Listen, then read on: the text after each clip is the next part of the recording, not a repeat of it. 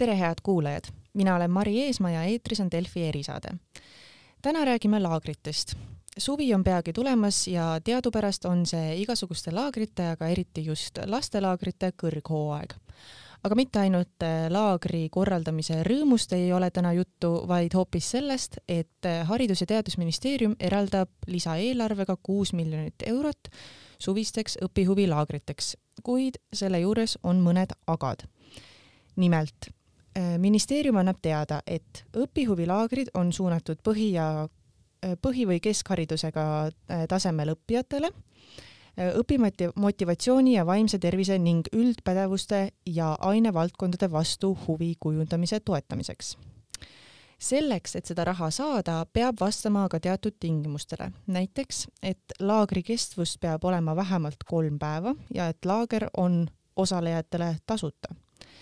seejuures on huvitav see, et laagri kasvatajatelt ei ole nõutud kutsetunnistust. tõsi küll, märgitud on, et kindlasti peab laagri korraldaja olema täisealine, tohib töötada lastega ja on pädev laste ning noortega töötama. siiski tekib küsimus, et kuidas ikkagi on nii, et kutset olema ei pea, sest noorsootöö seadus näeb ette, et noortelaagri korraldajad ja ka kasvatajad peavad vastama kvalifikatsiooninõuetele ehk siis omama noorsootöötaja kutset. sel teemal olen palunud tänasesse saatesse arutama Eesti Laagrikorraldajate Liidu esindajad äh, Kaur Kötsi, tervist! tervist! ja Katrin Oti, kes on ise ka laagrite korraldaja, tere! ja tere! ja mainimata jäi see, et Kaur Kötsi on ise ka noorsootöö ekspert. aga alustame hoopis sellest, et no viimane aasta ei ole olnud äh, kindlasti laagri korraldajatele meelakkumine, et äh, möödunud suvel sai lo-, laagrit korraldada, aga alles alates juulikuust, et äh, millised load ja plaanid on eesootavaks suveks? mina oma poolt veidi täpsustaksin, et juunikuust tohtisime me juba laagreid korraldada, aga piiratud tingimustel. ja sellel aastal see saab tõenäoliselt niisamuti olema täpselt veel ei tea, aga me väga loodame, et kõik äh, laagrid, mis on hetkel planeeritud, kõik saavad kenasti korraldatud mm. -hmm. ilmselt tuleb arvestada ka sellega, et laagrite ettevalmistamine tegelikult vajab päris pikka perioodi ja, ja seetõttu, kuna oodati ka kõiki neid kriisitingimusi ja, ja juhiseid, siis ilmselt kõik laagrid siiski ei saanud päris juuni alguses äh, oma vahetusi avada, nii et äh, oli ka neid, kes tõepoolest äh, alles juunis, juulikuus said oma, oma laagrivahetustega alustada. aga kuidas on nüüd äh, sellel aastal, et millal siis laagrihooaeg saab alguse? meie laagrid lähevad esimest korda laagrisse neljateistkümnendast juunist, vähemalt peaksid minema, kuidas nüüd täpselt see asi kujuneb, ei ole veel hetkel teada mm. -hmm. valitsus on ju ette valmistamas oma, oma valget raamatut ja, ja tulevad ilmselt ka valdkondlikud äh, juhised, kus siis vastavalt äh, kategooriale, kas meil on roheline, punane, kollane, oranž situatsioon, et, et vastavalt sellele siis saavad ka valdkondlikud organisatsioonid nii-öelda selle järgi juhinduda, eks ju, et, et mis tingimustel nad saavad avatud olla ja, ja milliseid nõudeid tuleb täita aga ütleme nii, et, et traditsiooniliselt meil on ju ka laagrid, kes eh, on alustanud oma tegevustega palju varem, juba ka maikuus on laagrivahetusi olnud. Ja, ja osa laagreid loomulikult on sellised, kes eh, tegutseksid eh, aastaringselt ma saan aru, et te ootate juhiseid eh, riigilt, aga kas teie liiduna olete ka laagrikorraldajatele mingisugused nõudmised seadnud, et kas lapsed peavad ette näitama negatiivse koroonatesti või midagi muud sellist? ei äh,, ma siis täpsustan, et, et Eesti Laagrikorraldajate Liit on, on selline värskelt loodud organisatsioon eelmise aasta detsembris täna on meil üksteist juriidilist asutaja liiget ja meie eesmärk on, on äh, pakkuda siis sellist ähm, äh, huvide ja vajaduste kaitset, tähendab laagrite ähm, eestkostet, laagrikorraldajate eestkostet ja,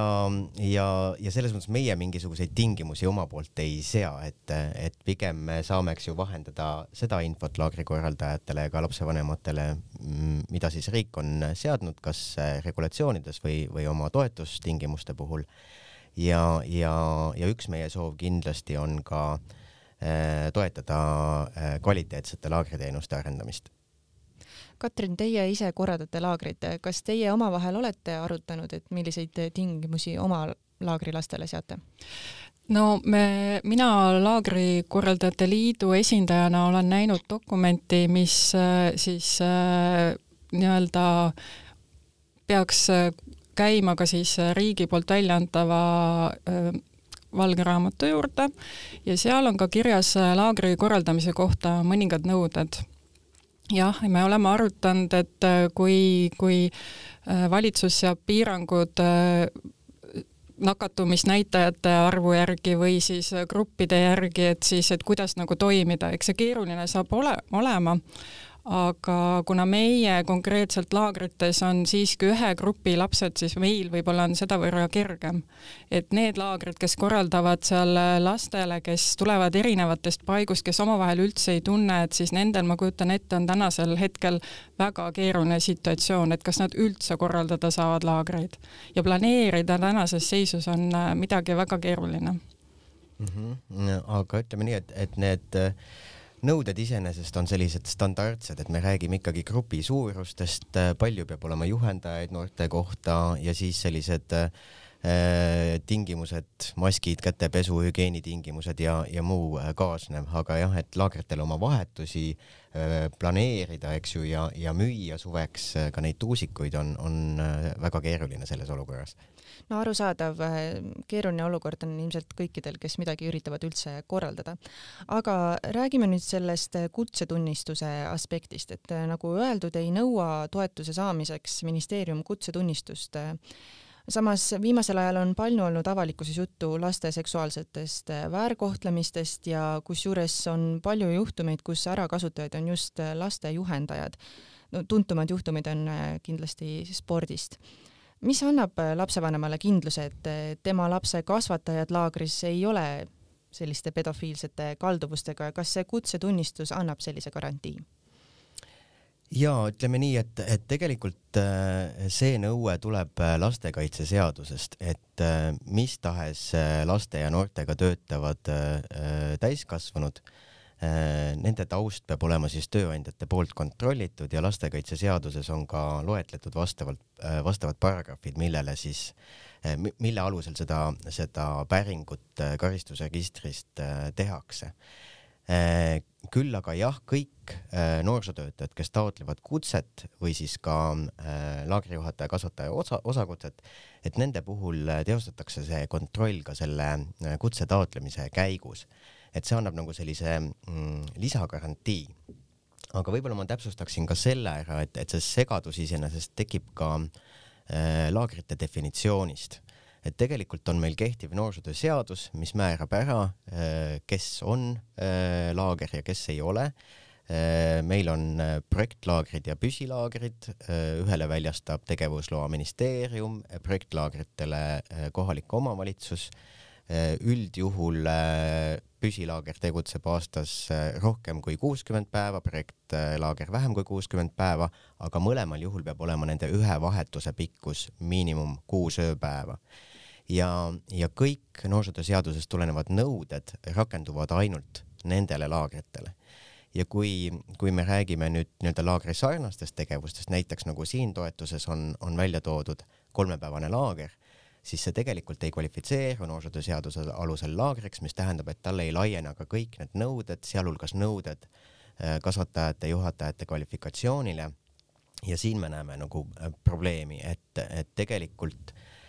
laagrite valdkond on Eestis väga pikkade traditsioonidega, võib öelda üle saja aasta vana julgelt ja äh, ja ka seda süsteemi Eestis äh, on arendatud äh, rohkem kui kakskümmend aastat, kus siis riik tervistava ja arendava puhkuse programmi raames äh, lagab, jagab laagritele toetusi, aga ka on pannud väga palju rõhku just laagrite sisulisele arendamisele ja kasvatajate, juhatajate kvalifikatsioonile. ja see tuleb sellest, et, et laagri puhul me räägime äh, ikkagi kõrgema riskiga äh, noorsootöö keskkonnast, seetõttu, et äh, lapsed on kodust eemal äh,, Äh, oma vanematest eemal, äh, võõras keskkonnas ja, ja ka see abi äh, jõudmine sinna laagrisse võtab kauem aega, nii et laagri kasvatajad peavad olema paremini ette valmistatud mis tahes siis ohuolukordadeks. seal pannakse väga palju rõhku ka esmaabile näiteks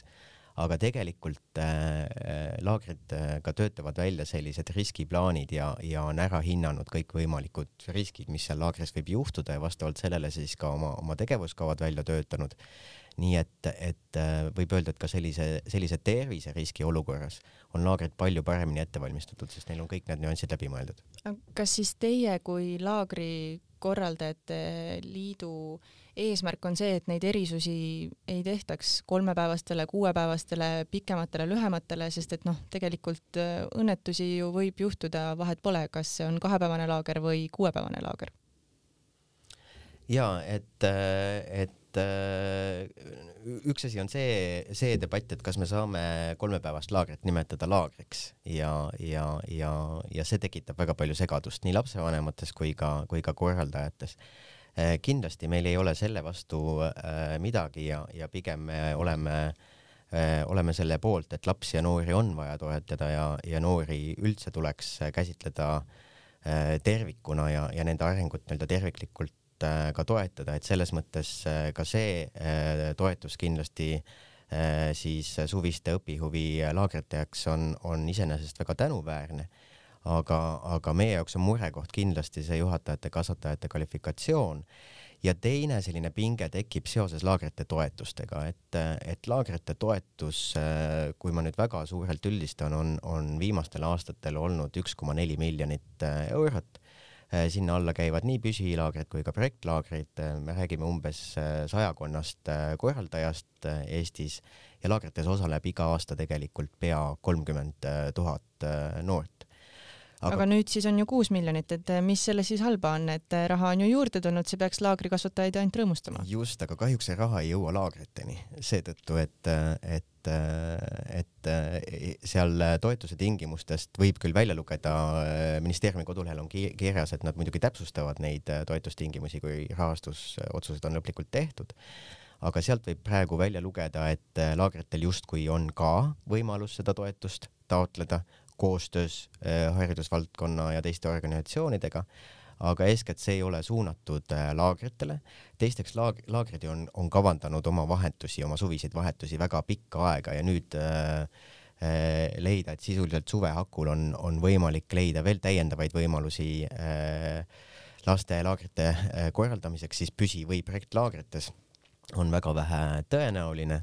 ja teiseks äh, siin kindlasti tuleks eristada seda, seda toetuse suurust, et kui me räägime, et kolmepäevaste äh, selliste lühilaagrite puhul makstakse kinni kõik kulud ja need on täiesti tasuta äh, äh, osalejatele, siis laagritoetusest tegelikult kaetakse ära väga väike osa äh, näiteks laagripäeva maksumusest ja, ja kindlasti äh, laagrikorraldajad on, on ühed noorsootööorganisatsioonid, kes ka kriisi kontekstis on, on väga palju äh, pihta saanud, sest et väga palju tegevusi lihtsalt ei ole olnud võimalik äh, läbi viia. nii et see toetus läheb lihtsalt natukene valesse kohta. lõpuks ta jah, jõuab ju, ju lasteni, et selles mõttes selle üle on meil hea meel ja, ja, ja pigem meie soov olekski kaasa rääkida nende toetustingimuste kujundamisel ja ja toetada laagrikorraldajaid, mõelda selle peale, kuidas äh, laagrites oleks turvaline nii, nii lastel kui ka siis äh, laagrit korraldaksid, eks ju, vastava kvalifikatsiooniga kasvatajad ja juhatajad. meil on Eestis väga hea noorsootööalane selline täiend- ja tasemekoolitussüsteem, noorsootööd on võimalik õppida äh, Tallinna Ülikoolis, Tartu Ülikooli Narva kolledžis, Viljandi Kultuuriakadeemias kuni, kuni magistritasemeni välja. meil on väga hea täiendkoolitussüsteem ja meil on kutsestandard, mis sisuliselt seaduse alusel Äh, on, on kehtestatud ja, ja seob selle kõik üheks terviklikuks süsteemiks. ja millegipärast me ei kasuta neid häid, häid süsteeme, mis me oleme loonud. aga ma küsiks teilt, Katrin, et teie ise olete üks laagri korraldajatest. millised on siis ikkagi need